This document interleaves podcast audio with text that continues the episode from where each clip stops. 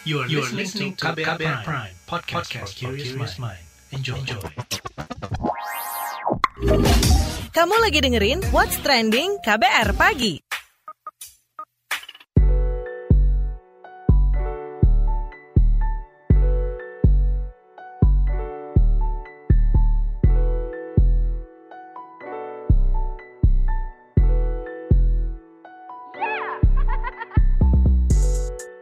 KBR Pagi, siaran pagi radio paling update. Selamat pagi. Apa kabar Anda hari ini di hari Rabu 14 Juli 2021?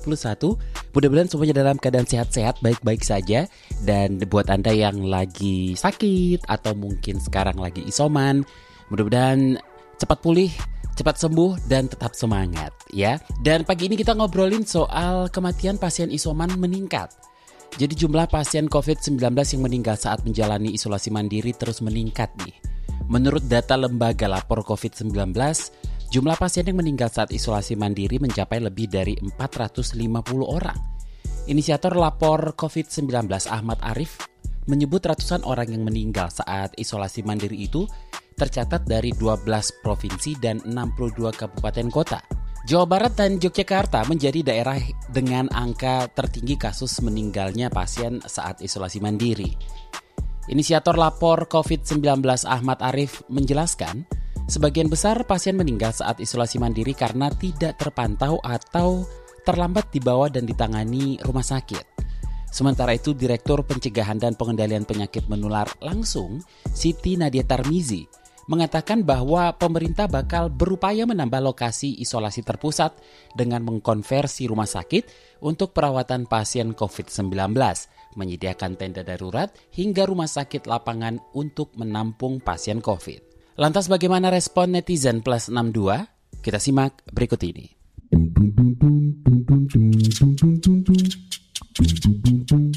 Kita ke komentar at BNGPY, baru dapat kabar kolega kerja yang meninggal saat isoman di rumah dinas sejak Kamis lalu.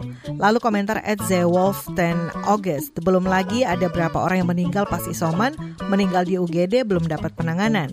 Lalu at train 1132, kalau sekarang isoman mah harus terpaksa kak, rumah sakit penuh, nggak nerima pasien, kalau nerima ya waiting list. Itu pun harus bawa oksigen sendiri soalnya oksigen rumah sakit kepake semua. Biasanya yang meninggal yang udah parah, yang gejala ringan dan imun kuat mah sebagian besar cepat sehat lagi. Lalu komentar Ed Safina Maulida, baru aja dapat kabar om yang isoman kondisinya memburuk. Saat ini masih cari rumah sakit di Kediri atau Blitar, sungguh berkejaran dengan waktu. Komentar Ed Dehani underscore Badia, Angka kematian pasien yang isoman cukup tinggi padahal yang isoman rata-rata OTG atau gejala ringan. Rumah sakit juga pada penuh, vaksin gak menjamin 100% aman dari virus. Cara terbaik adalah melindungi diri supaya sampai gak kena, banyak doa semoga diberi keberuntungan. Dan terakhir komentar J. Nikodio, kemarin teman meninggal confirm, belum divaksin.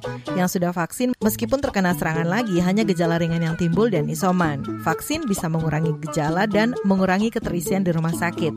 Ayo vaksin dan pakai masker masker untuk mewujudkan kasih kita kepada sesama. What's Trending KBR Pagi Balik lagi di What's Trending KBR Pagi, kita lanjutkan ngobrolin soal kematian pasien isoman meningkat.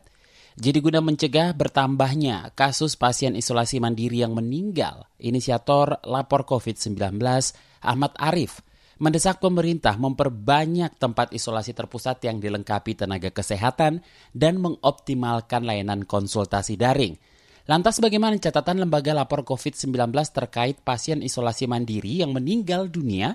Kita simak pemaparan inisiator lapor COVID-19 Ahmad Arif saat konferensi pers daring 12 Juli 2021 kemarin. Jadi hampir 450 lebih ya pasien isoman yang terlacak dan terlaporkan meninggal gitu ya di berbagai daerah di Indonesia. Dan memang yang kami temukan yang terbanyak itu sejauh ini ya, itu di Jawa Barat sekitar 160 ya yang pasien isoman yang meninggal lalu di Yogyakarta, Banten, dan, dan seterusnya. Nah, yang menarik sebenarnya tren belakangan laporan mengenai pasien isoman yang meninggal ini sudah mulai terjadi di luar Jawa ya. Jadi Kami juga menemukan misalnya di Kalimantan Timur, Kalimantan Barat, Nusa Tenggara Timur, dan di Sumatera Barat gitu ya. Walaupun memang laporan uh, belum seintens di Jawa, tetapi ini sebenarnya menjadi salah satu indikasi ya bahwa penyebaran wabah ini juga sudah mulai intens di luar Jawa yang ini harusnya jadi perhatian kita bersama. Nah, perlu sebagai catatan ya di sini bahwa jumlah yang terdata ini kami yakin ini hanya fenomena puncak gunung es ya, karena tidak semua terberitakan atau terlaporkan ya. Beberapa waktu yang lalu misalnya kami komunikasi dengan teman-teman di Dinkes Jakarta ya bahwa mereka rata-rata sehari itu menerima laporan ada 45 pasien isoman yang meninggal di rumah gitu. Kami sekarang sedang berkoordinasi dengan DKI Jakarta untuk meminta data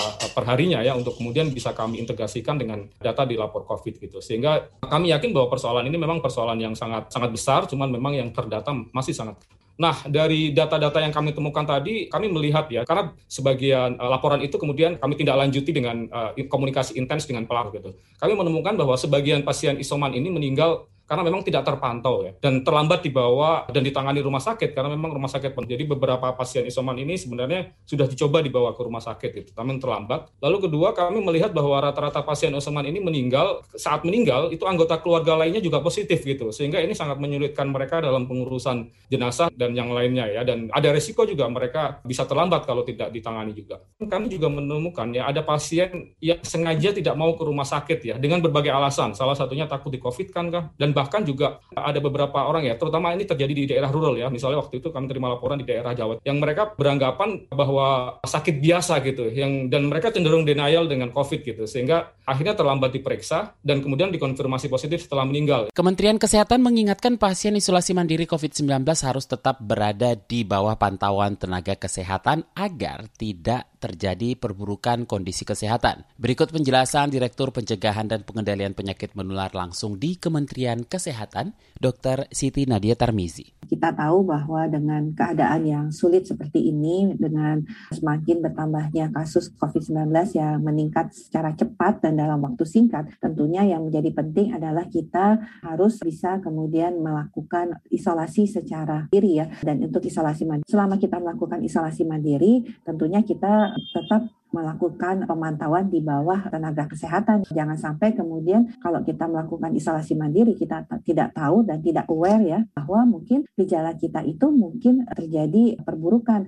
Nah, tentunya dalam rangka mendukung masyarakat melakukan isolasi mandiri dan akses pelayanan kesehatan. Selain dengan mekanisme yang selama ini sudah kita ketahui ya artinya kalau masyarakat hasil laboratoriumnya positif dia akan melakukan isolasi mandiri. Mereka bekerja sama dengan satgas setempat ya dengan melalui RT RW kemudian nanti satgas akan menghubungkan dengan puskesmas yang nanti puskesmas akan mengkontak ya melalui WhatsApp ataupun melalui telepon untuk memastikan kondisi-kondisi masyarakat yang melakukan isolasi mandiri yang kemudian nanti dengan dibantu Satgas tadi mungkin akan diberikan obat-obat selama melakukan isolasi mandiri. Nah, proses ini selain dengan kita ketahui sebagai upaya yang memang sudah kita lakukan di berbagai puskesmas, ini kemudian ditambahkan lagi layanan telemedicine. Saat ini memang kita fokus dulu nih untuk daerah Jakarta. Dikarenakan kita tahu bahwa daerah Jakarta ini kan kasusnya cukup tinggi. Nah, juru bicara Satgas Penanganan COVID-19,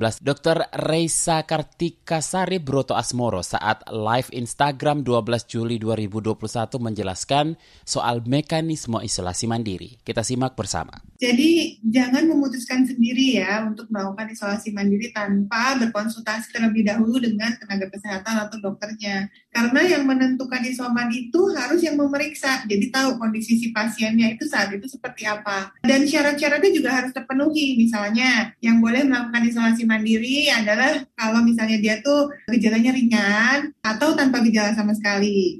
Terus dia tidak memiliki komorbid yang berat, kemudian usia juga sebaiknya di bawah 45 tahun, dan sarana di rumahnya itu memungkinkan untuk dia melakukan isolasi mandiri gitu. Jadi kalau misalnya kita habis dapat tes hasilnya positif, kita harus segera lapor ke tenaga kesehatan terdekat atau RTRW-nya atau Satgas COVID setempatnya gitu supaya apa? Bisa dilakukan pemantauan dan bisa dilakukan treatment atau pemeriksaan kesehatan dan mendapatkan pengobatan. Jadi memang kalau kita mau menjalani isolasi mandiri tentu harus ada pemantauan dari yang memeriksa. Kalau dinilai semua oke, maka akan disiapkan tuh nanti pengobatan, suplementasi gitu ya selama paling tidak dua minggu untuk bisa dikonsumsi selama itu di rumah aja. Dan selama menjalani isolasi mandiri juga harus dipantau tentunya. Tapi pemantauannya juga harus berkala gitu ya. Jadi supaya apa kita tahu nih gejalanya seperti apa. Nanti kita akan ngobrol bersama epidemiolog dari Universitas Griffith Australia, Diki Budiman. Jadi jangan ke mana-mana, tetap di What's Trending KBR Pagi.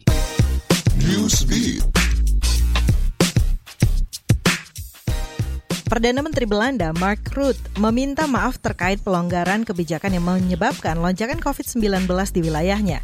Melansir AFP, Rutte menyatakan terdapat kesalahan penilaian dalam pengambilan keputusan ini sehingga dirinya sedih dan meminta maaf kepada rakyatnya. Permintaan ini dilontarkan Rutte setelah ada 9 ribuan kasus positif COVID-19. Pemerintah Israel mulai vaksinasi dosis ketiga kepada kelompok warga rentan COVID-19.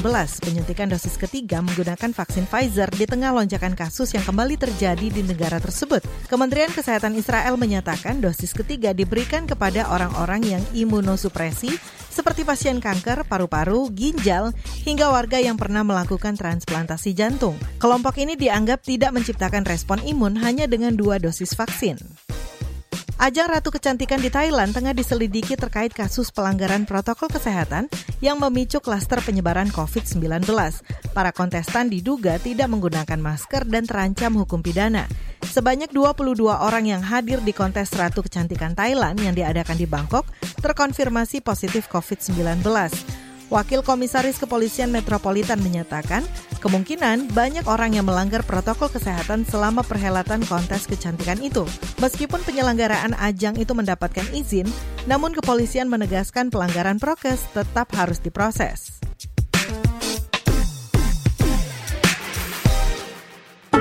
What's Trending KBR Pagi Masih bersama saya Don Brady, kita lanjutkan ngobrolin soal kematian pasien isoman meningkat. Jadi epidemiolog dari Universitas Griffith Australia Diki Budiman menyebut tingginya kasus kematian pasien isolasi mandiri menunjukkan telah runtuhnya fungsi layanan kesehatan. Lebih lanjut, langsung saja kita obrolkan bersama epidemiolog dari Universitas Griffith Australia Diki Budiman. Mas Diki, bagaimana Anda menanggapi tingginya kasus kematian akibat isolasi mandiri? Ya ini adalah fenomena yang terjadi pada situasi di mana berarti sudah kolaps ya fungsi layanan kesehatan. Itu terjadi. Di negara seperti Jepang juga terjadi karena antrian terhadap rumah sakit. Sehingga akhirnya harus di rumah-rumah yang isolasi karantina. Dan ini tidak tertangani. Dan itu tanda uh, pertama dari kolapsnya fungsi layanan kesehatan. Satu. Kedua juga merupakan tanda bahwa upaya pencegahan, ya, penanganan pasien yang di komunitas ini belum memadai dalam artian menemukan kasus infeksinya segera mungkin termasuk memberikan dukungan rawatan sesegera mungkin. Makanya 3T itu yang namanya 3T itu jadi testing, orang dites, kemudian ditres, dilacak kasusnya, ketemu, terus ketika ketemu itu sudah ketika dia menjalani isolasi karantina itu atau akan menjalani isolasi karantina itu juga sudah diidentifikasi faktor risikonya. Termasuk di sini adalah oh, orang itu memiliki komorbid.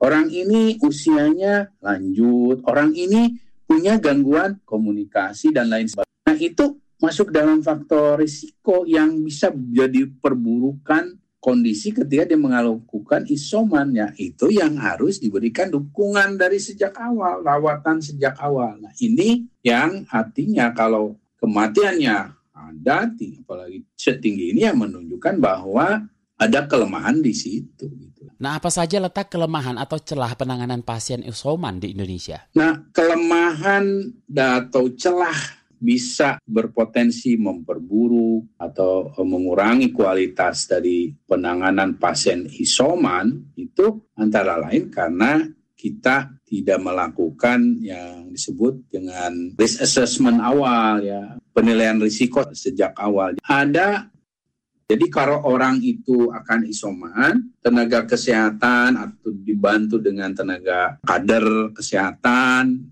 lainnya harus memiliki bekal dalam melakukan penilaian risiko awal ini. Seperti misalnya, oh oke okay, kalau dia lansia ya dia sudah harus nggak bisa tidak pemantauannya tuh ya tiap hari harus dilakukan rutin sehari dua kali. Kalau misalnya dia bisa video call ya video call terus di rumah itu atau kalau misalnya isoman siapa yang memantau uh, sehari-harinya ada tidak keluarga. Nah, hal-hal seperti itu termasuk kalau oh dia punya komorbid, uh, misalnya diabetes, hipertensi, obatnya bagaimana, ada tidak, siapa yang mengukur misalnya tekanan darahnya atau gula darahnya, kemudian kalau ada yang memiliki gangguan komunikasi, nah itu juga harus diberikan namanya karena itu titik lemahnya. Jadi asesmen risiko atau penilaian risiko itu harus dilihat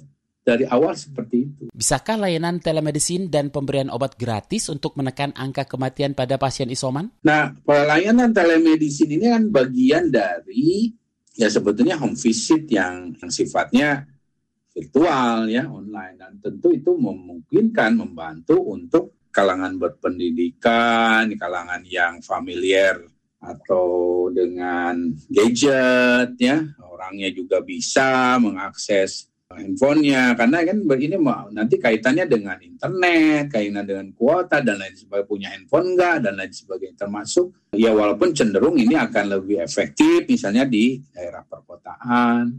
Ya tentu ini akan membantu ya dalam sisi pemantauan pasien harian tadi.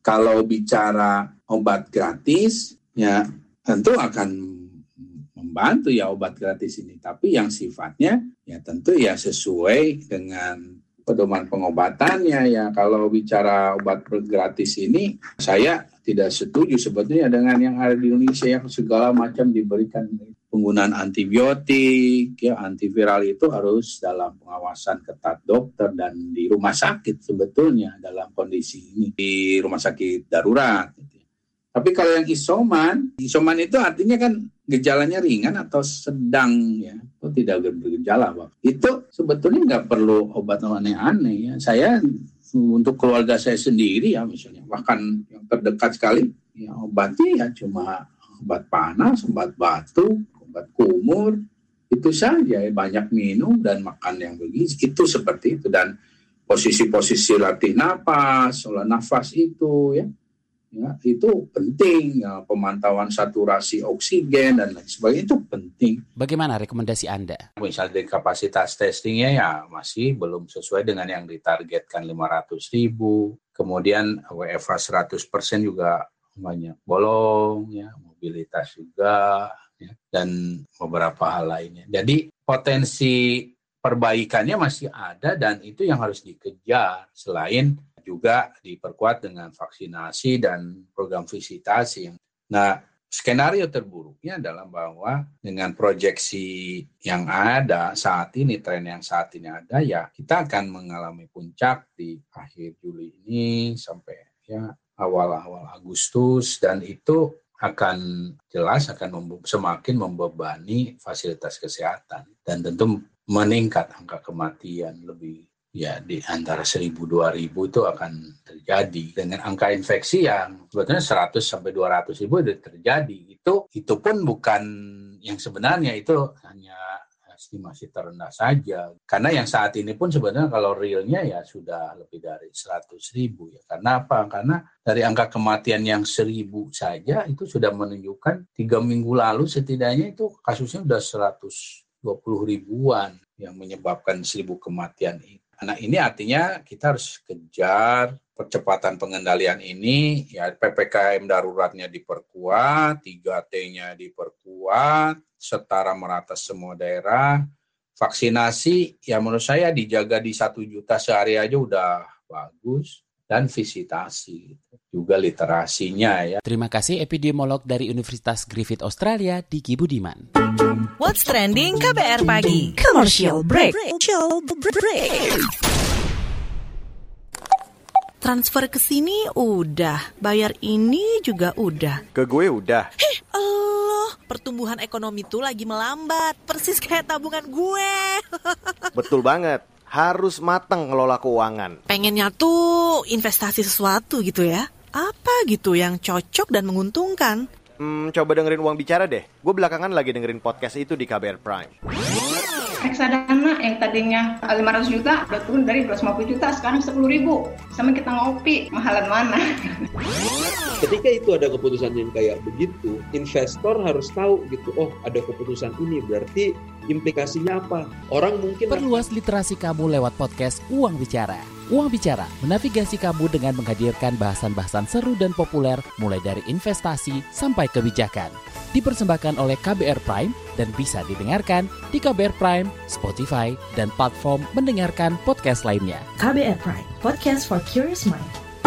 What's trending KBR pagi?